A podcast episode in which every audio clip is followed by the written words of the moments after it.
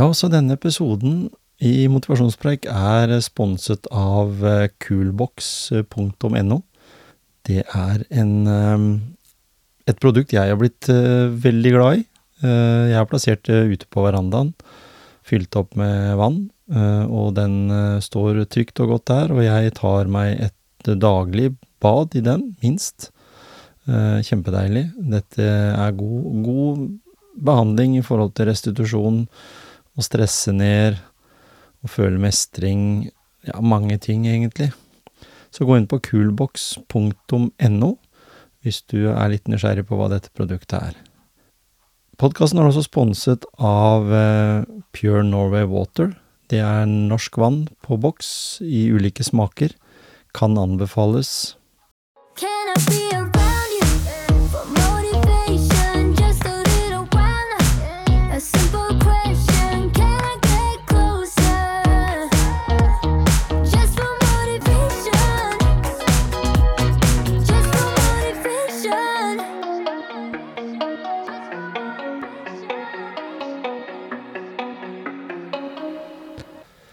Ja, da ønsker jeg velkommen til en ny episode i Motivasjonspreik. Denne episoden har jeg hatt i Sandefjord med Stig eh, Sægrov, som er vår veterinær. Stig han har vært skoleleder, er leder eh, i Sandefjord i dag, og er vår eh, veterinær når vi trenger hjelp til våre hunder. Uh, og jeg vet at mange setter pris på han som veterinær, fordi han uh, har en filosofi om at uh, det ikke behøver nødvendigvis å koste skjorta å få gjort vanlige ting med hund og katt og andre småkryp. Så velkommen til denne episoden fra Sandefjord i Motivasjonspreik.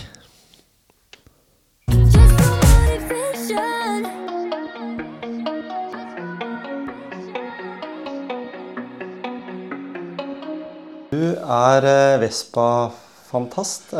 Kan du kalle det det? Ja, jeg må nå si det. Altså, jeg er veldig glad i italiensk kultur. Og, ja. og liker å kjøre sykkel. Og det er klart, eh, Vespa kombinerer jo de to tinga, da. Ja, ikke sant. Den, eh, det er jo en klassiker, det for mange. Absolutt. Så jeg har vel hatt, uh, hatt de fleste uh, har vel hatt en åtte-ti Vespaer opp igjennom. Det er litt glissent nå, men uh, jeg er på vei inn igjen. Det er en sånn hobby litt, Det har vært litt mer enn en hobby, litt som jeg har skjønt. Ja. ja. Men det er klart, i, for, ja, for 10-15 år siden så var jeg veldig aktiv på treff rundt omkring. Og, mm. og vi har vært uh, nede i Italia og besøkt uh, på fabrikken på Pontedera. Og, så vi har, ja, vi arrangerte jo Vespa World Days uh, for første gang utenfor Italia i 2011. Mm. Da var det 900 eh, Vespaer eh, samla på Gjøvik, hvor jeg bodde da. Ja, Så spennende. Det var morsomt. Det er uh, morsomt. Og det er mange som har den kulturen der med seg eh, gjennom at en eh, ja, hatt en eller annen alt fra moped og oppover. Ja, For det er vel opp til 125 kubikk, eller? Er det mer? Nei, det, nå får du de opp til 300. Det gjør det, ja. Så ikke sant? den klassiske PX-en er jo 200. Ja. Så, men det er klart, det er jo, det er jo litt skille mellom eh, disse klassiske Vespaene som går på totakt, totaktmotorer eh, med den klassiske Vespa-lyden, og disse moderne firetakterne som, mm. Eh, som, er litt annerledes. Og vi, vi, nerder vi holder jo fast på at det skal være totakt. ja, ikke sant? Ja. Men i Norge så er det jo litt sånn med regler i forhold til eh, sertifikat, moped osv. Så, videre, så det er litt sånn Norge er kanskje et kronglete land for mange? Ja, altså det er klart. Eh, du må ha tung, tungt sertifikat for å kjøre en 200 kubikk i dag. og Det er litt klønete når du ser på motorstørrelsen og sånn, men Og kanskje litt den tryggheten. Ja.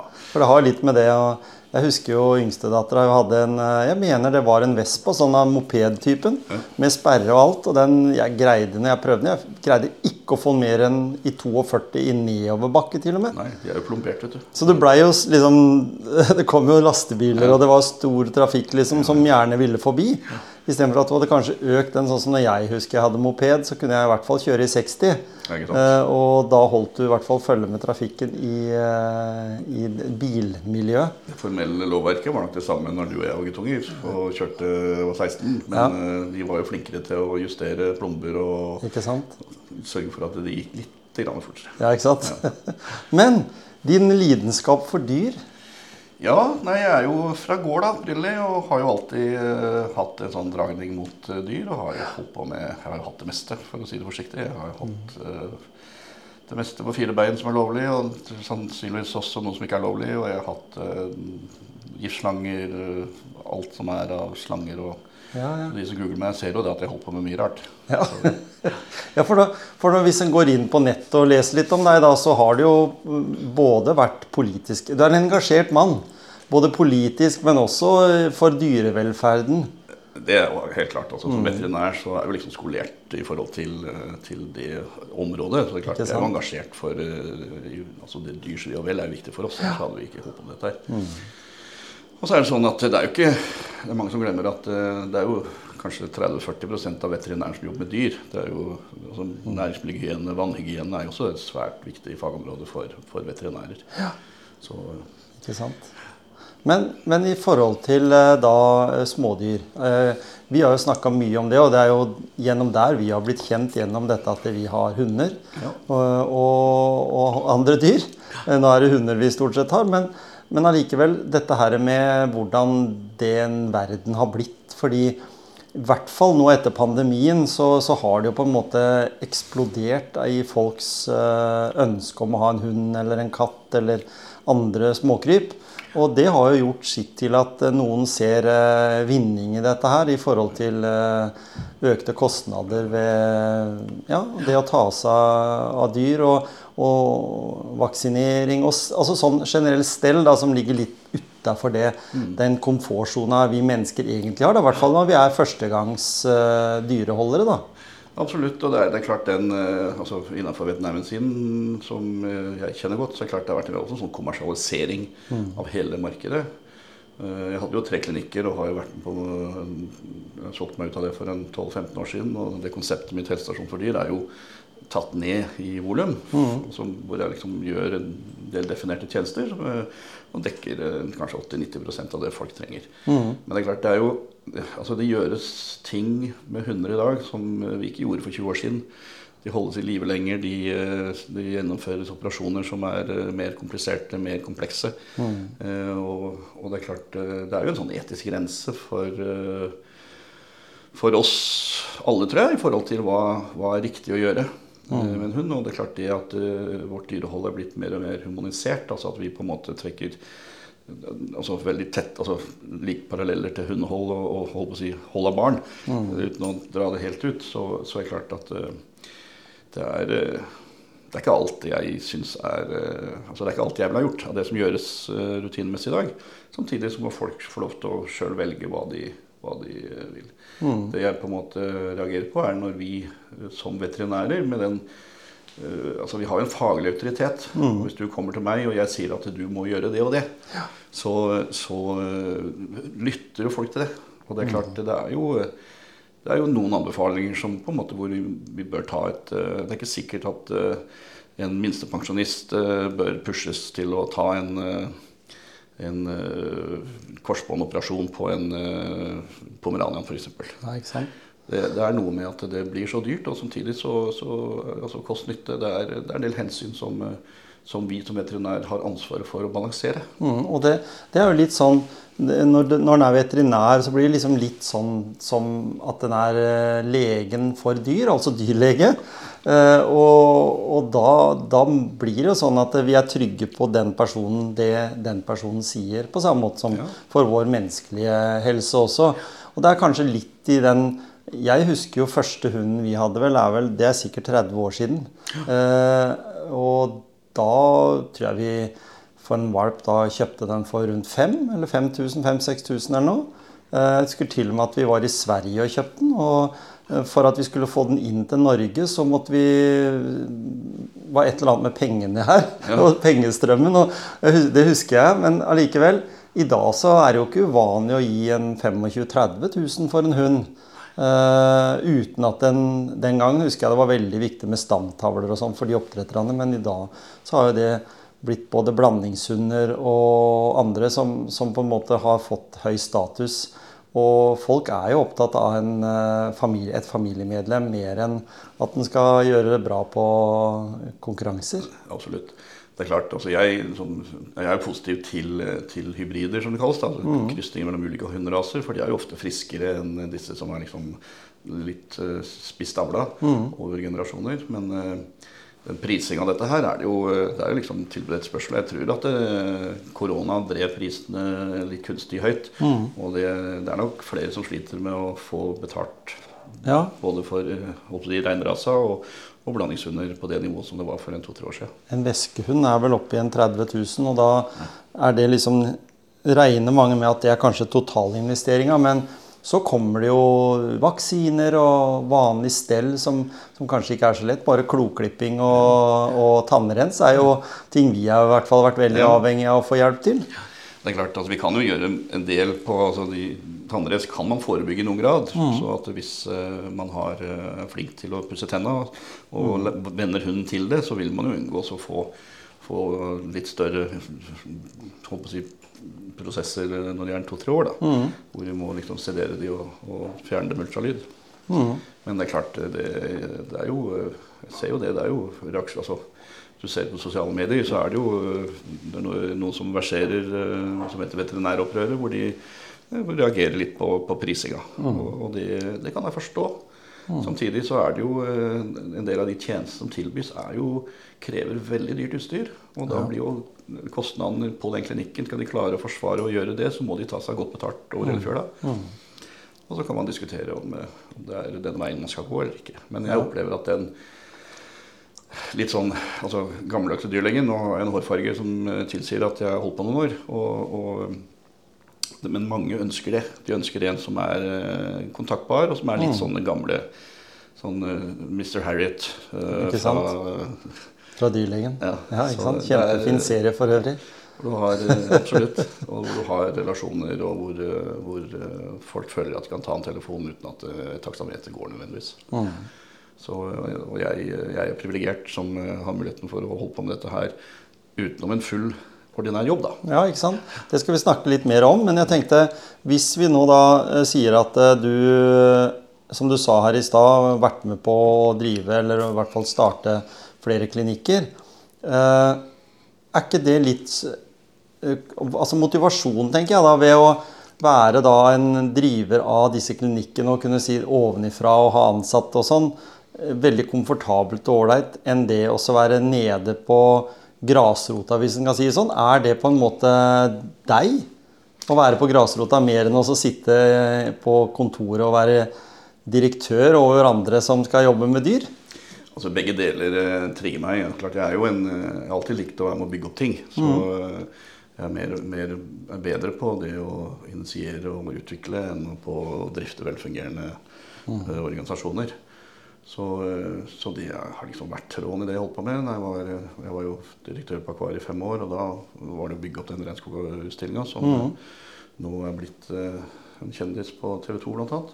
Ja. Så, uh, og utvikla utstillinger, og jeg har utvikla mange altså Det konseptet helsestasjon for dyr er jo også et sånt utviklingskonsept hvor jeg liksom definerte en del enklere tjenester. og så det, Jeg hadde jo tenkt at dette skulle jeg på en måte drive på en litt annen måte, men det Men det er du som driver den nå. Ja. Så du er liksom Du skulle gjerne vært eh, to og tre av deg. Ja, men det, det, som er problemet, er at de som er interessert i å jobbe smådyr, de, eh, de eh, er jo eh, sånn gjennomsnittlig i midten, slutten av 20-åra når de mm. søker den type jobber. Mm. Og de vil jo gjerne jobbe klinisk men langt mer enn det jeg gjør på helsestasjonen. Mens uh, det man egentlig trenger, er jo sånn litt uh, De som har vært med på det meste mm. og gjort det meste, og ikke har noen sånn faglig sult på å stadig utvikle og gjøre nye ting. Og de som sitter den type, med den type kompetanse, de er ikke interessert i å søke seg jobb hos noen. De kan jo starte for seg sjøl, de òg. Men for meg så er det en Altså, jeg trives veldig med, med, å jobbe med folk og dyr på den måten. Og det, det er liksom litt sånn en, en godt betalt hobby, da. Ja, ikke sant. For, fordi du er jo opprinnelig leder for eh, en skole altså i forhold, her i, i Sandefjord. Jeg jobber som eh, omdelingsleder for eh, en del yrkesfagprogrammer. Ja.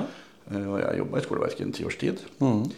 Og trives veldig med det. Det å liksom kunne påvirke ungdom, eh, det syns jeg er eh, verdifullt arbeid. Mm. Og jeg syns Altså det, det, var jo en litt spesiell spesielt bakteppet som gjorde at jeg begynte, men, men jeg er veldig glad for at det er det her jeg liksom har endt opp. Mm.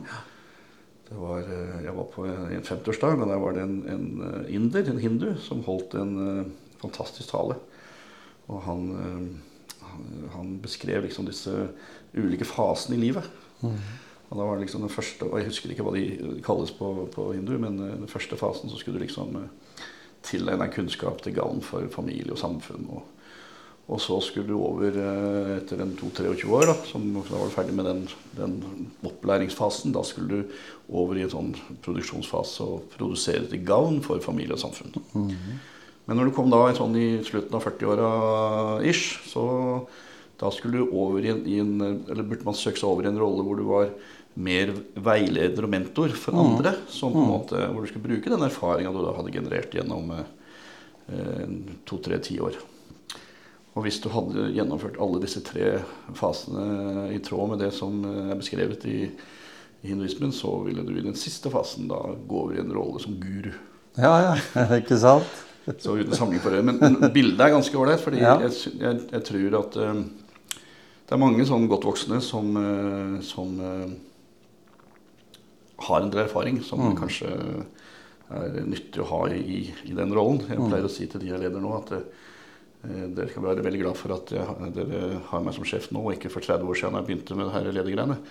For det er noe med at du får et litt annet perspektiv, og du, mm. du har ikke behov for å, å skinne sjøl på samme måte. Og du har ikke behov for å, for å altså, du, du, kan løfte folk ja, mer ektefølt enn det jeg mm. kanskje gjorde for 30 år siden. Og det er i grunnen en god altså et godt tips å gi da, til folk. fordi det er sånn, som du sier, når, eh, når en har eh, en eh, lang CV Det er litt interessant akkurat det, fordi jeg har et foredrag som nettopp tar for seg det. Og det går jo på dette her med at vi i Norge da, spesielt er veldig redde for oss å si hva vi egentlig kan. Ja. Et, et, eksempel er hvis du i USA for eksempel, da, blir innkalt til et intervju.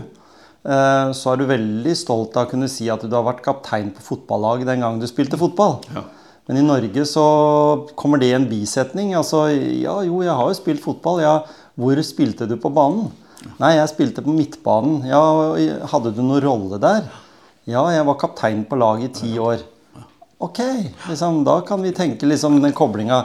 Her må vi ha egentlig en eh, dokumentert forsvarsbakgrunn der vi har vært kaptein eller admiral, nesten.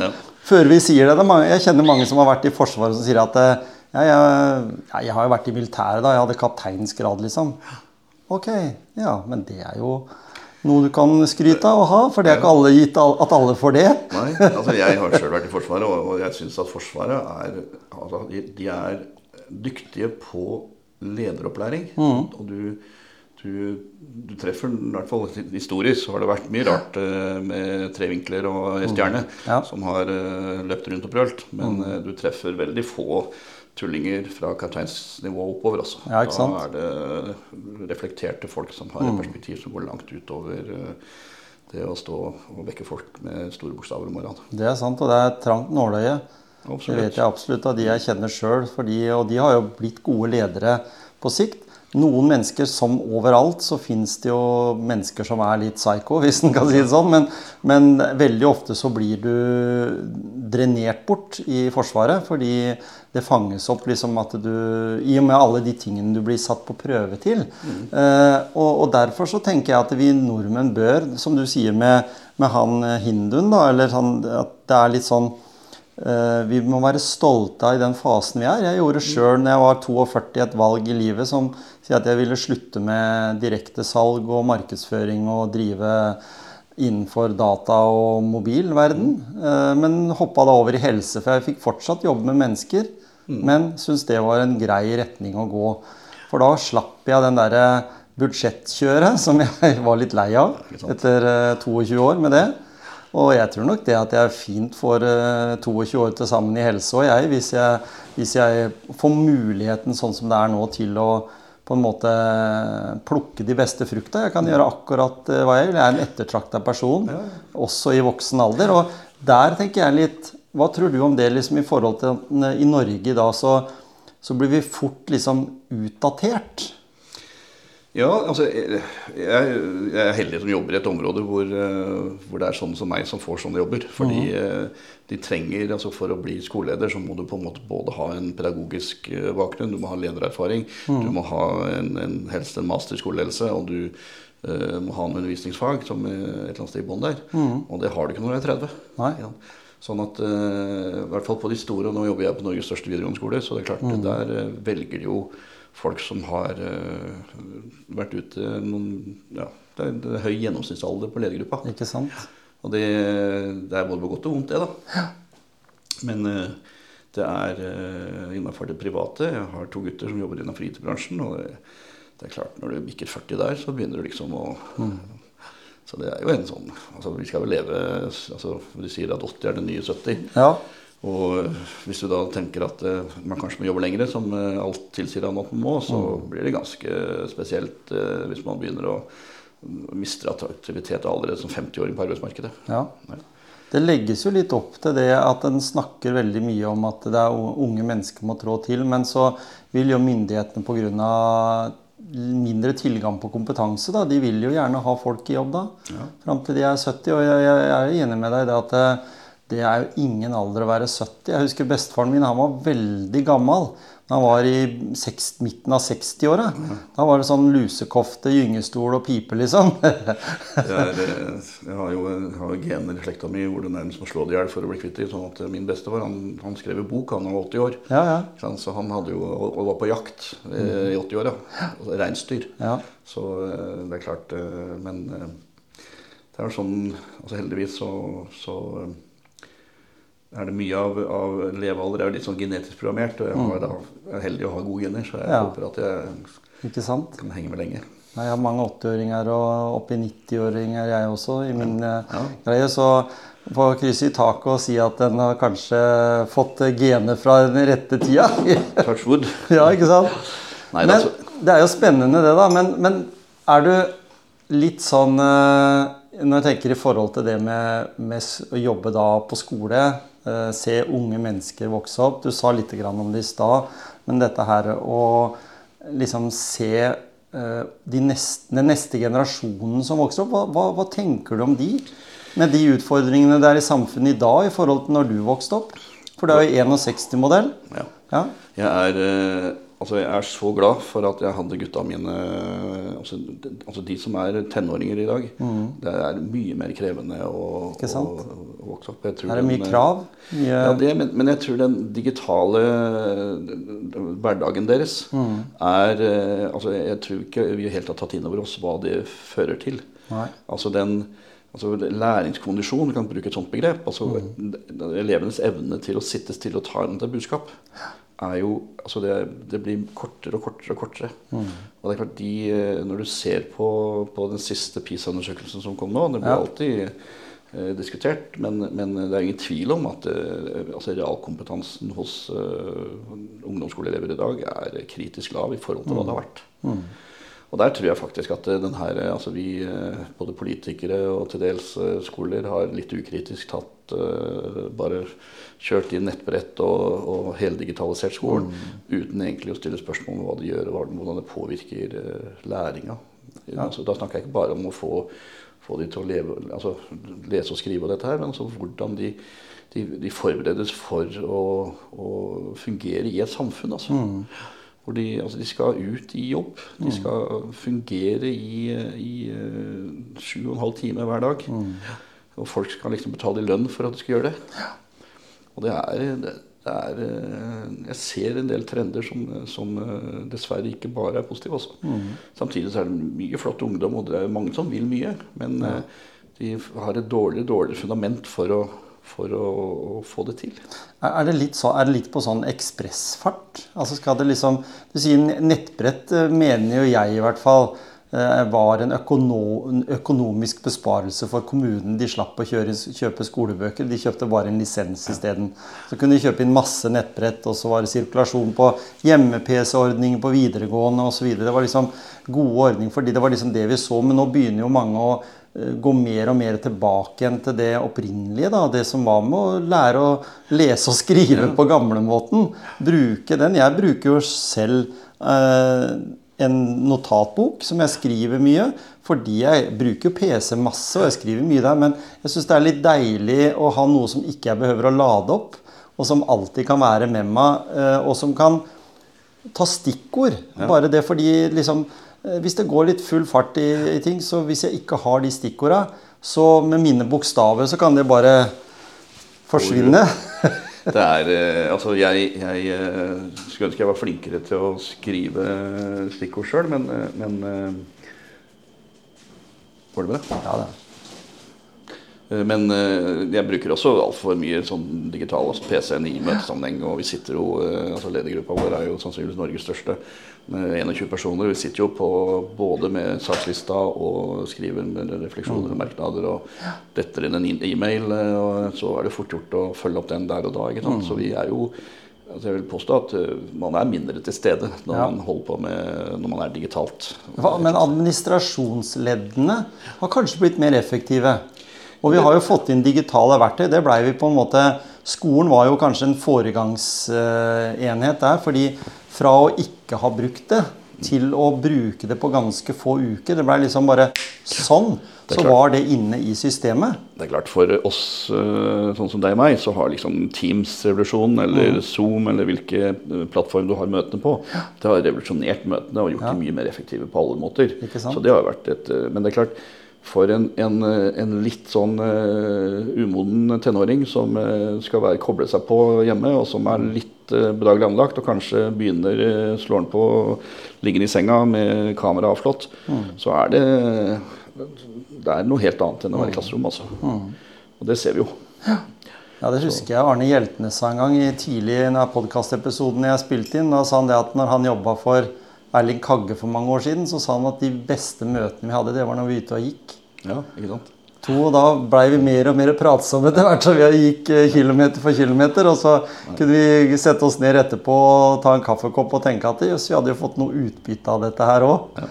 Så det er litt med den verden der. altså både du og jeg er jo vokst opp i den verden som jeg kaller for den analoge verden. Ja. Det at vi kunne bruke platespiller som vi satte stifta fysisk på for, for hånd, og, og vi uh, gjorde Vi hadde kassett, kassetter som vi noen ganger fikk sånn salat inni, i, ja, ja. sånn at vi for å bevare kassetten vi, vi, fikk mer kjennskap til det vi har i dag, eller hadde da, i motsetning kanskje til de unge menneskene som vokser opp i dag, og som uh, En telefon koster 12 000 kroner hvis du skal ha det siste nye, kanskje mer òg. Men eh, når det er sagt, eh, den første mobiltelefonen min, mm. som var en NMT 450, en AP Philips som, eh, Den var jo bærbar, men den var mer flyttbar etter dagens definisjon. Ja. Den kosta faktisk 27 000. Ja. Jeg husker jeg begynte å selge de der. Og det var et veldig fint nett å ha. Ja. Og den Philipsen som kom, var jo egentlig hyperkul sånn i ja, design. Sånn i forhold til mange og ja, sånn bær, bæreveske. Ikke sant? Men i forhold til mange av de andre som allerede hadde vært på markedet, så var den veldig kul. Og den, den nådde deg jo Du hadde jo dekning over hele overalt. Altså det, det, 27 000, det var da med en sånn digital telefonsvarer husker jeg, som kosta 5006. Ikke sant? Og da husk på dette her var i 1989, mm. og vi var 17 veterinærstudenter som da kjøpte, fikk tilbud på dette her til den prisen. Ja. Og det var, jeg husker avansen på det var ganske dårlig også, så det var, det var dyrt å produsere. Og i tillegg så snakker vi om at vi da skulle betalt nesten en kvart million for mobilen i dag. Ja, Hvis du tenker i forhold til. Så, men sånn var det jo med TV også. ikke sant? Ja. Da får du en svær TV til Jeg husker jo 28-tommerne vi solgte, var jo de billigste kosta 10 000 kroner. Ja, den vanlige TV-en. ikke sant? Og i dag så gir du jo ikke mer enn 3000 for en 50-tommer, nesten. Så, ja, det så, det har blitt en annen verden. Men, men det skaper jo igjen også en uh, type bruk-og-kast-mentalitet som, som, blir kanskje litt feil. Altså det, det gjelder også da når vi er inne på dette her med dyr. Uh, det har jo aldri vært mer eh, dyr hos disse her mm, reddyra eller disse sentralene som tar imot uh, mot dyr, fordi folk gir fra seg eller setter ut. Mm. Nei, det er, det er, klart Det var nok en del i koronatida som uh, fikk seg hund som uh, kanskje ikke burde fått hund. Nei. Så den ene av mine er jo en sånn uh, resultat av det, tror jeg. Mm.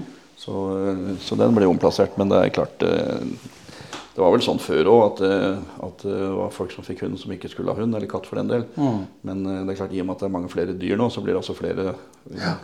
Om prosentene endra seg, det er jeg litt usikker på. Mm. Men, Nei, det var nok mye det var mye blandingsraser, husker jeg, når jeg vokste opp. Da var det noen som uh, hadde vært uheldige og møtt hverandre, to bikkjer som ikke skulle ha møtt hverandre. Og så blei det valper ut av det, og så blei det gitt bort til nabolaget, husker jeg. Husker første hunden jeg hadde, det var uh, Vi bodde i Flakvarp, rett utenfor Porsgrunn. Og faren min og jeg, vi på en søndagstur gikk bort på ja, en halv kilometer bort på et sånt område, og der hadde da noen fått valper. og det var Eh, noen som har fått valper mellom en elghund og buhund. Og den eh, som vi tok med derfra, som het Tobben den gangen, husker jeg, han satt navn på, han var jo verdens snilleste. Han hadde jo det der elgbikkjebjeffinga i seg, da. Men likevel, det var, var mange der altså, Og det var en fin rase den gangen. I dag så ser du nesten ikke elgbikkje og buhund, egentlig. Som Nei. sånne norske, tradisjonelle raser. da. I Bamble, hvor jeg har den ene helsestasjonen, der er det faktisk en del elgbikkjer. Ja. Men der er det også et jaktmiljø. Ikke sant? Der, Nei, ellers så er det jo, Jeg har jobba i utlandet, og, når du kommer ned i sånn som i Spania, så ser du jo disse hundevalpene selges jo i zoobutikk. Ja. Og når de er sånn 12-16-18 uker, så mm. er de ikke lenger salgbare. Og Nei. da blir de avliva. Ja. Ja, Det husker jeg Kjersti, kona mi, i hvert fall sa det. Vi var i Frankrike ja. og gikk der eh, på en sidegate ved Champs-Élysées. Så så vi sånne søte hundevalper satt i vinduet og kikka på det. Jeg husker Hun jo helt, hun fikk jo tårer i øynene av det. For hun tenkte at er det sånn verden er? For der er det heldigvis kanskje Eh, en litt annen eh, praksis i Norge. da. Ja. Selv om det er mange av de oppdretterne her også som kanskje ikke burde hatt hund. Så, det, så er det litt under mer litt kontrollerte former, ja. Du nevnte jo selv disse veskehundene. og Det er jo en del eh, Jeg fikk inn en til vaksinering her, og det, jeg sa at dette er ikke samme kull. Så da var det en som var norsk, og så var det to som var, som var importerte. Ja, ikke sant. Så de kan jo bare ta med seg hunder i dag. Ja, ja, på, på, ulovlig vis òg, siden hundene er så små. Kan de være med i håndveska? Helt eh, altså Jeg vet ikke hvordan det har gjort, så jeg sa at jeg kan ikke forholde meg til dette her. Så det, det, det, må, må, det er ikke samme kull, så dere får ikke registrert det hos meg. Nei, ikke sant? Nei. Men når vi snakker da om eh, både ungdom og, og dyr eh, La oss snakke, snakke litt mer om, om de ungdommene da som vokser opp. fordi når du som leder da for eh, fag som eh, kanskje på en måte har eh, lidd litt nå under eh, pandemitiden og nå etter, etter pandemien, eh, bl.a. restaurant, er du ikke også leder for de? Jo da. Eh, de har jo hatt ganske store utfordringer gjennom lockdown og, og blitt en litt for, for, for, det har jo etter det så har det jo opp og så har det kommet Foodora og andre sånne leveringstjenester som på en måte har gjort at eh, du og jeg kan sitte mer hjemme nå og få maten nesten til samme pris eh, levert på døra enn det å gå ut på restaurant. Det, jo da, det, det, er klart. Altså, dette, heldigvis så ser det ut som om restaurantene går bra. Og de har nok, altså det er nok, eh, altså i hvert fall de restaurantene som er i Sandefjord, mm. så er det veldig mange av de som, som tilbyr tjenester levering, du har takeaway-løsninger. Ja. Så de ser jo at dette er et marked som på en måte er i vekst. Mm. Og, men eh, altså det, det, som er trist i forhold til skoleverket, er at det er kanskje ingen steder hvor det er flere muligheter hvis du har et fagbrev innenfor restaurant- og matfag. Innenfor hotell, reiseliv. Eh, og samtidig så er det en nasjonal utfordring at det er få søkere. Ja. Så vi, bedriftene skriker jo etter lærlinger. Ja, sånn, ja. Altså det, er mange, det, er mange, som tror kanskje at det er ikke noe satsingsområde.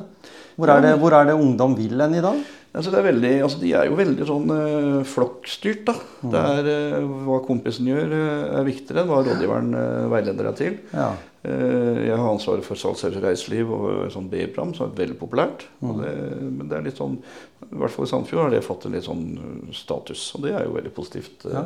for det programmet. Men det går litt i bølger. men altså den trenden at eh, altså yrkesfagene uh, har liksom vært ansett for å ha litt sånn lavere status enn studiespes. Mm. Det er nok noe som man sliter med nasjonalt. Mm. Men samtidig så ser det ut som det er altså mange av de grepene man har gjort uh, med utdanning i stort, altså det at du kan begynne å studere rett på høyskole og universitetet med et fagbrev i dag, det var ikke mulig når du og jeg holdt på, ikke sant? men det kan mm. du faktisk. Mm. Har du har du en, et fagbrev innenfor salg og markedsføring, så kan du begynne å studere salg eller markedsføring ja. på en, ta en bachelor i det.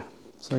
Så, så, det er mange flere muligheter. slik at heldigvis så er, er, er det vekst i de som velger fagutdanning. Mm.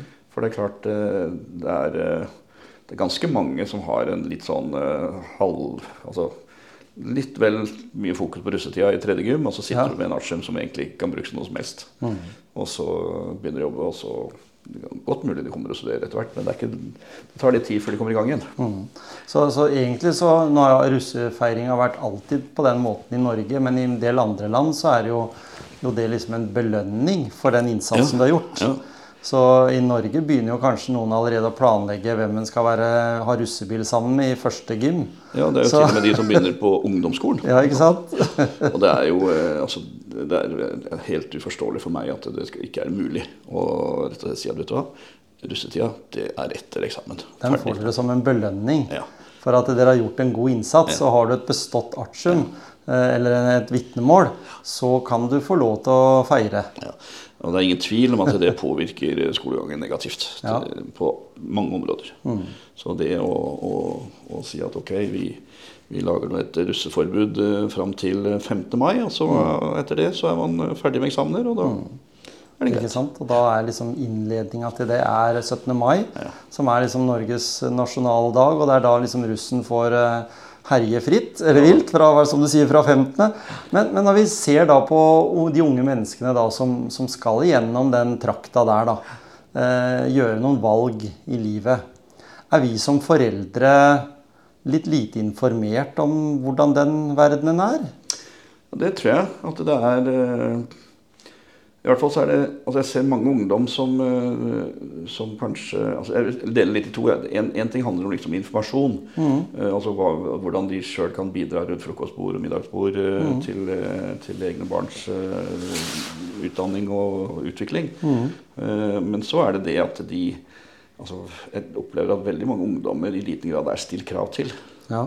Og det er klart det drar de med seg inn. slik at man har altså at man også nå videregående har en oppdragerrolle mm. som uh, man alltid har hatt i barneskolen og ja. i noen grad i ungdomsskolen. Og etter hvert mer og mer i ungdomsskolen, men det er også nå kommet inn i videregående for fullt. Mm.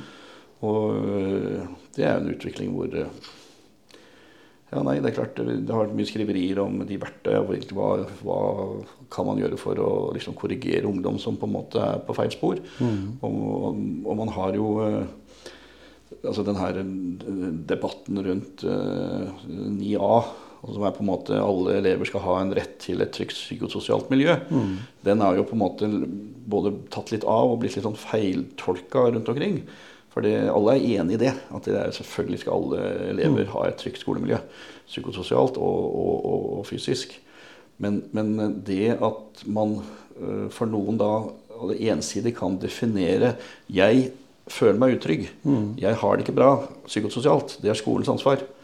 Eh, og så er det vanskelig å finne objektive årsaker til at det er sånn. Ja, det kan godt være at vedkommende har, men det er ikke nødvendigvis slik at det da er en IA-sak. Og i lovverket så er det ikke lagt opp til at man skal gå så langt. Nei, men praksis på en del skoler er at uh, man, man, drar det litt langt, mm. syns jeg. Kan, kan si det. Og jeg har alltid stilt det spørsmålet. og at og, og har leita etter svar, men kan vi si det at det, det er modent for litt fornying? For jeg sier at det, nå kaller vi disse her barna som vokser opp, nå putebarn. Altså mm. barn som, Og det å sy puter under uh, armene på noen, det har jo vært et begrep som har funnes ja. i alle år. Men, men, i hvert fall det med putebarna, det er liksom de som skal beskyttes for alt mulig der ute. Og, og vi sier at vi har krig, og vi har noen utfordringer, da, hvis vi skal si en snill utgave av problemer. Eh, utfordringer. Uh, og diagnoser som dukker opp. Det, I Norge så er det jo langt flere som får ADHD-diagnosen enn i Danmark f.eks. Kunne vi sagt at eh, ja, nå setter vi oss ned og så ser vi på hele skolereformen, og så kanskje det går an å skape en bedre og harmonisk skole med altså Noen ser noen familier ønsker å ta barna sine ut av kommunal skole fordi de vil ha de på Steiner skole eller andre sånne spesial privatskoler. Da, eh, fordi de føler at barn blir mer sett. Og det er jo et problem for foreldre i dag. De, og det er mange som sier òg at eh, en skulle gjerne vært litt mer sett. Altså, jeg, jeg, tror, eh, jeg tror at mange altså Nå er jeg ikke særlig objektiv, for jeg føler at jeg har veldig mange lærere som er ekstremt flinke til å mm. se den enkelte. Og mm. det ser jeg også på fullført og bestått uh, på mine programmer. Ikke sant? Men, men uh, så det, Jeg vil ikke generalisere og si at det er offentlige eller uh, private. Det er, ikke, det er, ikke, det som er utfordringa. Men, men, når du får utfordringer inn på skole, og mm. det med, med, på Norges største skole så får vi jo utfordringer inn på ja. skolen, så har vi ikke, har vi ikke de verktøya som vi skulle hatt. Altså hvis, det er, altså hvis det er på en måte noen som er i utgangspunktet allerede godt ute på den kriminale, mm. kriminelle rullebanen med, med dopsalg og pushing og mm. har eh, x antall eh, dommer i konfliktrådet, mm. så er det ikke sikkert at det å, å, å, gå på Norges største marked for den type, type er det rette stedet å være. Nei. Og da syns jeg vi skulle ha si vet du hva, du skal ikke ha din skolegang der. Vi trenger å skjerme de andre mm. for deg til du mm. har skikka deg. Eller. Ja, ikke sant? Og den, den innramminga den er krevende å få til. Du, du må, de må liksom, det må gå feil før du kan sette grepa inn. Mm. Mm. Så, og da ser vi en del reaksjonsmønster. altså Det er klart det var, var ikke uvanlig når vi vokste opp heller at det var litt hærverk på skoler. Men, men kanskje mange nå gjennom tilgang på sosiale medier ser reaksjonsmønster ute i verden som det tok litt tid før det kom til oss. Ja. Vi er nok litt naive i, mm. i tilnærminga. Og, og, dette her med at, at altså, hvis du er under 14 år, så, så blir du liksom Da skal du ikke tas i av, av, av politimyndigheter, det skal være konfliktråd eller andre. Okay. Og det er klart, når du ser en del av disse her, hvordan de bruker kynisk 14-åringer til å gjennomføre ting. Altså det som mm. skjer i Sverige, og også i Norge. Ja, så, så, eh, da må vi få tilbake de verktøya. Mm. Det er ikke Altså det eh, Sanna Sarma er en uh, venn av meg. Hun skriver finsk dame som bor på Lillehammer. Skriver mm. mange kronikker og har skrevet mye om mye. Hun hadde en, en veldig god kronikk knytta til dette her. Ikke sant? Og det, altså, vi må på en måte få tatt tilbake kontroll. Så mm. må vi rett og slett ramme inn eh, det som skal rammes inn, og sørge for at det må vi ha verktøy til. Mm. Og det, det er en grei ting, for finnene er jo øverst på statistikken i forhold til hvem som har det best, eller føler at den har det best og trives best. Ja. Eh, både skole og, og jobbsammenheng, og også det, det private. Og jeg snakket her forleden med en som, som vi, vi, driver også uh, isbader sammen. Mm. Og så har det som et sånt prosjekt. da. Og, og, vi tenkte det at det faktisk, uten at vi har noe forskningsresultater på det, men kanskje dette er kombin av badstue og isbad er en sånn som gjør finnene veldig annerledes enn oss. For det har begynt å komme til Norge, da. Men, men at, at en på en måte trenger noen sånne trigger også noen sånne triggerpunkter for å på en måte skape en, en, mer harmonisk hverdag. Who knows? Men det er klart, den enhetsskolen vi har i Norge, hvor, hvor, du liksom ikke altså man er så opptatt av at man kan ikke på en måte uh, ramme inn elever uten at det stigmatiseres. Nei. Og det er klart det, Hvis du finner noen med utfordringer i første klasse i Finland, ja. så blir det satt inn ressurser for å hjelpe de der, de treng, der det trengs. Ja. Men det gjør vi ikke i Norge. Da alle skal liksom uh, få opplæring innenfor uh, samme rammene. Ja, ikke sant? Og jeg husker jo kona mi som den tidligere jobba i barnehage. Jobba på spesialavdeling. Og jeg husker hun sa mange ganger at hadde bare skolen spurt om hva, hvilken erfaring vi hadde, at vi hadde hatt en bedre kommunikasjon, så kunne skolen vært mer forberedt. Hun møttes ofte eh, når de nevnte dette her for skolen, at nei, det fikser vi når den eleven kommer til oss. Ja. Og så visste de allerede fra noen år i barnehage at det her kunne det oppstå mm. utfordringer. De var jo dyktige på det. De så det jo på samme måte som du da har syn både for skole, men også for dyr. Så ser du litt atferd. Eh, og det fanger du opp ganske tidlig. altså Kanskje ikke sånn allerede i spedbarnsalder, men når de begynner å, å være utagerende og slår mye eller gjør mye vold, da. Selv om en vet Det er faktisk sånn at det, den aldersgruppa som utøver mest vold i samfunnet, det er toåringer. Ja. Samtidig er det kanskje den vold som er lettest å ja, ikke sant? ikke sant? Men en kan allikevel begynne å se dreiningen mot eh, noen da, når de er mot, modne mot skolen. Er denne personen moden eller ikke? Vi er så opptatt av tid og alder i Norge at når du er så gammel, så skal du dyttes inn i skolevesenet. Kanskje du burde vente. Det er, altså den, der, altså den, som har funnet på at eh, når alle er seks år, så er de akkurat likt skrudd sammen og kan ja. ting på samme måte, det er egentlig godt godt, altså, det er fantastisk tenkt. Ja. for hvordan det er mulig å tro at det er sånn det er, når du ser hvor stor forskjell det er mellom uh, seksåringer. Ja. For å få Veldig den der, stor. Veldig stor. Men vi får ikke lov å differensiere, Nei. så da er det Og alle de som jobba i, i, barnehager den gangen, inkludert kona, kona, de var veldig frustrert på den nye ordningen, for de mente at de barna hadde godt av å være størst ja. i litt lengre tid. Ja, ikke sant. Jeg hadde, når jeg var eh, politiker, så var det jo oppvekstområdet jeg var uh, satt som leder av utvalget i. Og da hadde vi jo eh, mange altså Vi hadde jobba jo i hele kommunen. ikke sant? Og mm. da var det barnehage, grunnskole, altså barneskole, mellomtrinn og ungdomsskole som var på en måte gjennomgående. Og de, når vi hadde disse felles møtene, så kunne man liksom følge uh, en elev fra utfordringer i barnehage til utfordringer på barneskolen til utfordringer på ungdomsskolen. Og mm. utfordringen forsvant ikke i videregående heller. Nei, ikke sant? Så dette er, og det er jo, vi har ikke lykkes med å ramme det inn. Nei. Uh, og det, det, er fordi at vi, vi uh, Altså, vi skaper noen utfordringer mm. som uh, ikke lar seg løse for alle elever. Så det er, det er viktig at en tar tak i det, og at de lederne som politisk sett har greie på skolen. Fordi nå er det litt sånn kanskje at de vet litt for lite om det. At det blir rokert litt, og da tar du den ja. som har med utdanning å gjøre, eller kunnskapsministeren. Ja, ja, men ok, for du var jo eh, miljøvernminister rett før. ikke sant? Det blir den der, og, så, og så vet vi jo at de har et stort nettverk under seg, så det er ikke det. Men jeg har lyst til, mot, på slutten her, eh, når vi tar opp det politiske temaet, da. Uh, og jeg er politisk engasjert i et parti som du for så vidt også har vært uh, engasjert i. Eh, hvordan ser du framtida for eh, Arbeiderpartiet? Det er et krevende spørsmål å svare på. Jeg, altså det er en som heter eh, Thomas Pikkerty. Mm. En professor, en guru innafor sosiologi og samfunnsforskning. Og han trekker paralleller mellom dagens, altså 2020-tallet, mm. og, og 1700-tallet. Ja.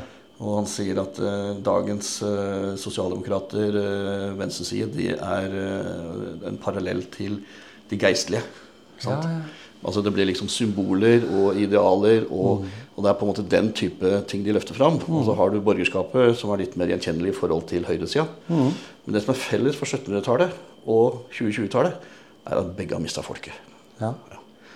Det er blitt en, eh, en Litt distanse. Ja. Mm. Og det er de på en måte Og det er altså ungdomspartiene. Mm. Hvis du ser hvor få mennesker som har vært ute i et virkelig liv. Ja. De begynner i AUF eller i Unge Høyre eller i uh, eh, FrPU. Mm. Og de går gradene der sånn. De kommer inn som uh, 23 år gamle rådgivere for en uh, minister som heller aldri har jobba ute i det virkelige liv. Mm. Og du får rådgivere med den type bakgrunn over hele fjøla. Ja. Og det det genererer en, en, et, et, demokratisk underskudd på folkelighet mm. i alle partier. Mm. Men Arbeiderpartiet har jo tidligere hatt en fagbevegelsen som på en måte har sikra de, mm. altså den type kompetanse inn. Men mm. de kommer ikke, når ikke opp lenger, de heller. Nei. Og der, dessuten så er det jo eh, de som representerer fagbevegelsen, begynner å bli ganske kontoransatte, de òg. De fleste ja, der har jo ja. Eh, sittet administrativt i den type roller i eh, ja, men det er veldig lenge. Ja. Jeg hadde I en tidligere episode så hadde jeg med Bjørn Tore Godal. Mm.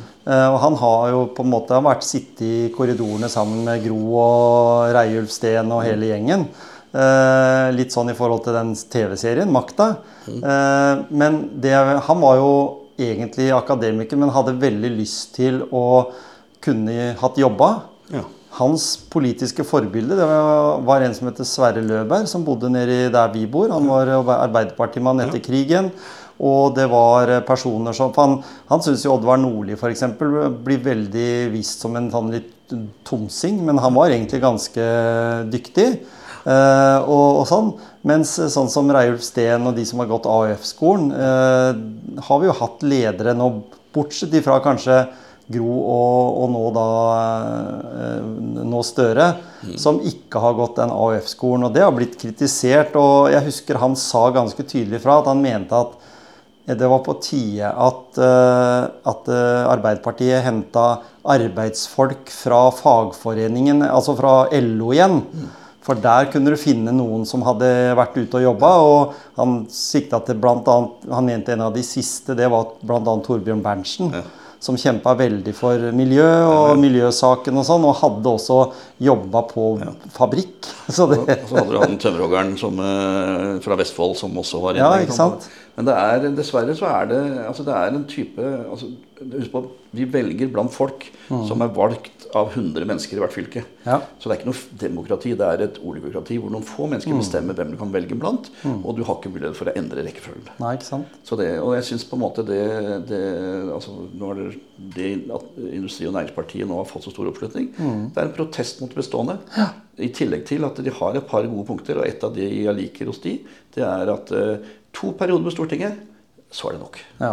Og så må du ha et, uh, vært ute i jobb. Vært ute i jobb. Ikke ja. Og det hadde bidratt til å vitalisere mm. mm. demokratiet i alle land, også uh, Norge. For, for det, er jo, det, er jo, fortsatt så er det jo den sosialdemokratiske tanken som kanskje skaper det beste samfunnet for oss, med tanke på fordeling og, og sånt. Og vi ser jo litt den der kulturen nå med folk som flykter fra Norge og flytter til Sveits og tar med seg pengene sine. At det er en sånn Kall det ukultur fordi eh, en ser at det, det, forholdene legges til rette for det. Hvis vi hadde hatt den gamle sosialdemokratiske fokuset, så og Vi bør ikke gå så langt som tilbake til Einar Gerhardsen, men vi kan bare si Jens Stoltenberg-perioden. Sånn, ja. sånn, som 2010 eller rundt der. Eh, så, så sto det veldig sterkt, og det var de som bestemte. Og kanskje Erna og, og, disse under pandemien også var ganske tydelige, og de tok avgjørelsene for oss og bestemte det som var bra for samfunnet. Etter det så stå, flata det litt ut. Nei, Jeg er helt enig, og det er klart, men den, den eh, altså, det at du klarer å balansere altså, altså det markedskrefter og sosialdemokratiet. Mm. Det er det som er nøkkelen til å skape et godt samfunn. mener jeg, mm. fordi det, mm. det, Planøkonomi det har aldri fungert. Men ren markedsliberalisme fungerer heller ikke. Ja. Så det å klare å finne den miksen, det er en mm. forutsetning for å lykkes. Så da kunne myndighetene sagt at eh, vi nekter dere å sette opp prisene. Ja. Vi eh, skal forsøke å holde inflasjonen nede, og vi skal prøve å gjøre det på vårt vis, og ikke at eh, du og jeg skal betale for det. For det er jo det som er konsekvensen nå. Riktignok så lever vel kanskje eh, vår generasjon bedre enn de unge menneskene som vokser opp nå, som har blitt, fått lovnad fra banken at det blir maks 3% og plutselig så er det 6 Og de har nedbetalt null i lånet, og de får en renteøkning på 7000-8000 kroner i måneden. Så det, det er de det er synd på. Bare se på mye administrative beslutningene som er liksom i, i de godes tjeneste. Bare mm. se hvordan de har tett, altså hvordan eh, byggeforskriftene nå har gjort at det blir så dyrt å bygge hus. Mm. Med disse krava til isolering og trykktesting av hus. Og, og, og det, er, det, skaper et usunt inneklima. Mm. Men uh, det er liksom under uh, det her Vi må isolere enda mer for å spare klima. Det, det trumfer alt, på en måte. Ja, og så blir det dyrt. Altså Regninga får jo vi. Ja. Men, det, men det, på en måte, det tas beslutninger som får negative konsekvenser, mm. uten at vi har egentlig eh, noen mulighet for å påvirke. Mm. Politikerne våre de jo, har jo mista folket. Ja. Så det er, det er, noen utviklingstrekk som, eh, som eh, jeg syns jeg ser Det er krevende. Det må mm. bli verre før det blir bedre, tror jeg. Du, du slutta i politikken sjøl? Jeg slutta, og det var uh, i Altså, Arbeiderpartiet er eh, altså i, I hvert fall i opposisjon mm. ble for langt til venstre for meg. Ikke sant? Jeg ble introdusert på en, eh, et eh, årsmøte en gang som Tore Hagebakken, ja, stortingsrepresentant da, som den i Det norske Arbeiderpartiet som er lengst til høyre, men fremdeles innafor. Mm. det er jo kanskje det også at en ser at det er vanskelig å, å styre Norge i dag, hvis en tenker på at en vil gjerne dra fram det som er populært. For, og det er jo på en måte å, å ta, u, altså ta, upopulære avgjørelser til fordel for folket, tenker jeg. Det kan være viktig, fordi det gagner jo både deg og meg og unge mennesker og alle. Eh, men det å tørre å stå i det istedenfor at en feit overskrift i VG er med på å avgjøre hvorvidt de skal vektlegge følgende statsbudsjett eller følgende. Ja. Og så er det jo liksom sånn den her kommentariatet i Oslo-pressen, eller egentlig nasjonal presse, men de sitter mm. stort sett i Oslo. Det er den der altså, klippetrua på at de liksom forvalter uh, mening på vegne av. Altså mm. Jf. den der debatten rundt uh, han uh, uh, si, statsministergemalens aksjeinvesteringer. Mm. Altså det og, og, hvordan de har liksom drevet den saken. Ja. Som Altså, hvem bryr seg? Altså, han har sittet og surra rundt med aksjespekulasjoner. Og, og, ja, Erna har ikke visst. Og ja, nå er det dokumentert at ja. uh, det har faktisk ikke vært en eneste investering som på en måte kan ha noe innside. Er saken død? Nei. Ikke sant? Og det og hva er det hva tenk, Jeg tenker i hvert fall at langt større eh, konsekvenser for Norge eh, har det med sånn som f.eks. den sikkerhetssaken nå, da, med de kontorene der det har tatt opp et lån med 10% rente, 200 millioner. Jeg tenker at Det er en mye verre situasjon enn at eh, mannen til en statsminister har kjøpt noen aksjer. Ja, og, og, da, og i ettertid, da, gjennom den rapporten da altså som Økokrim har mm. gjennomført, at det er mm. faktisk ikke spor av innsiden. Nei, nei, nei. Så da, da, mener jeg saken blir men, men de fortsetter. Ja. Og det er nok litt fordi de er litt snurt over at de ikke fikk rett. Mm. At de ikke klarte å, Og det er sånn uh, Bygg dem opp og ri dem ned. Ja, og det var jo det, det jeg uh, holdt jeg på å si, dessverre på et medlemsmøte i Arbeiderpartiet fikk høre av noen. Da, at ja, nå bare vent nå til bare vent nå til Erna-saken. altså Bare vent til Eh, Støre har fått rydda opp i eget parti med disse her eh, sakene som var der, så kommer det til å bli mediasaker så det holder for å være på en måte en motstand til eh, Høyre da, og den populariteten. Og det ser jeg liksom kanskje folk gjennomskuer, fordi jeg ser det litt på statistikken hvordan de øker. altså Folk er, legger den saken bak seg og syns det blir kleint. Kanskje mer enn media skjønner sjøl, at de spiller på den ballen videre. Du har jo hatt noen da, som har vært tydelige i media og sagt at altså, vår, altså folkets uh, hukommelse i forhold til saker, mm. den er kort. Ja. Og i hvert fall der hvor det liksom ikke er noe. Altså, det er jo, ingen er drept, ingenting ulovlig er gjort. Nei. Det er ikke gjort noe som på en måte Og, og tilsvarende, jeg syns uh, Huitfeldt også er ganske parallell. Mm. Uh, men jeg tror ikke det handla primært om det når uh, hun ble bytta ut. Nei. Jeg tror det handler litt om litt andre ting, men det er noe Det har litt med indre klima og klikker og jeg, jeg har snakka med mange politikere i podkasten, og de sier at det, det, er større konflikt innad i partiene enn det er mellom partiene. Akkurat sånn som Norge drives nå. Ja. Det, og, det, sier jo folk som har sittet som statssekretærer og, og jobba i departementer. Jeg har jobba veldig tett sammen med Kjersti Stenseng eh, i en uh, fireårstid. Og det, det, er, det, er, et spill. Ja. ja og det er Maktkamp. Det er liksom litt Borgen, sånn som det er ja, på den danske serien. Det er ingen tvil om det. Så det er klart, eh, jeg syns uh, gamle riksmarskalk Bismarck uh, sa noe fornuftig når han sa at den som vet åssen pølsepolitikk lages, vil holde seg unna begge deler. Ja. Jeg syns det er hyggelig prat. Vi skal ikke løse verken politiske problemer eller, eller skoleopplegget etter denne motivasjonspreiken her. Men jeg har lyst til på, helt på slutten å spørre hva, hva er ditt eh, egentlig favorittdyr, for å si det sånn? Det er, det er vel egentlig eh, fugler. Fugler, ja. Ara har alltid hatt svære fugler. Ara ja. papegøyer. Så jeg har eh, drevet på med oppdrett og hatt i alle år. Men eh, nå er jeg gift med ei kattedame, og katt, ja, ja. kattehold og fuglehold det er en dårlig kombo. Ja, for jeg leste om deg faktisk, at du hadde vært i var det Tvedestrandposten eller sånn, om en papegøye du hadde? Ja da, eller Lillesandposten. Jeg hadde ja. en frittflyvende ara i Lillesand. Og det er ikke hvem som helst som får gitt at den får uh, omtale om det i lokalavisa, at den har en papegøye, eller en fugl, da, som, som, Og det var et eller annet den gjorde, eller sa? Ja, den, altså, den, altså Jeg gikk jo ned i byen, og da hadde jeg den bare med meg. Og så ja, ja. landa han på skuldra, og så fløy han seg en tur, og så landa han på skuldra. Så jeg var jo som en bikkje. Mm. Men eh, det er klart, eh, det er jo de lever jo utsatt da når de får lov å leve så fritt, men de har det veldig bra. Det er ikke sant? Den frihetsfølelsen. Ja. Absolutt.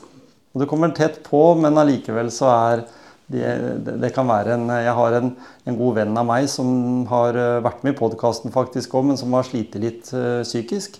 Han har en sånn liten papegøyelignende fugl, og det er hans beste venn. Sånn, de, de, lever tett sammen, og han driver og maler en del og, og, og sånt noe, og de, de, er veldig gode venner. Nei da, det er, det, er mye, det er mye refleksjon enn litt i hodet, altså, hvis du bare evner å sette deg ned og mm. bygge relasjoner med dem. Så er det jo bare det, da. Med litt reklame på slutten, tenkte jeg. Dette med smådyrsklinikk. Du er jo eh, innimellom her på, hos deg. Ja. Eh, og så har du i Bamble. Helsestasjon for dyr er, ja. har, eh, en lokasjon i Sandefjord og en i, i, Bamble. Ja, ikke sant? Og det er, det er liksom to ettermiddager i uka, og det ja. syns jeg er veldig hyggelig. Bamble er, det er liksom holdt på der en stund, så der er jeg så etablert. Mm. Ja. Så det, men jeg har inntrykk av at folk syns det er mm det er hyggelige priser, selvfølgelig, fordi at det er helt andre kostnader enn ja. det jeg hadde når jeg drev tre klinikker. Så øh, det, da er det gjøre, Altså gjøre de enkle oppgavene som øh, er vanskelig for folk sjøl. Ja. Mm. Samtidig så klart er det Det er ikke jeg altså Jeg skifter jo ikke hjerteklaffer på hund eller øh, Neida. Ikke at andre Men det er som du sier, 80, 85% av det ja. som gjøres med hund, det er jo sånne type ting. da De fleste altså, altså jeg har mindre operasjoner kutt, småskader. Mm. Og selvfølgelig alt av forebyggende behandling av mm. pass og vaksiner. og alt det der, Så, så jeg gjør jo det meste. Men uh, så er det bare å ringe, og så er jeg stort sett tilgjengelig. Så hvis jeg ikke tar telefonen der og da, så ringer jeg tilbake. Mm. Så bra. Tusen takk, Stig, for at du ville være med i Motivasjonspreik. Takk for invitasjonen. Mm. Veldig hyggelig. Can I be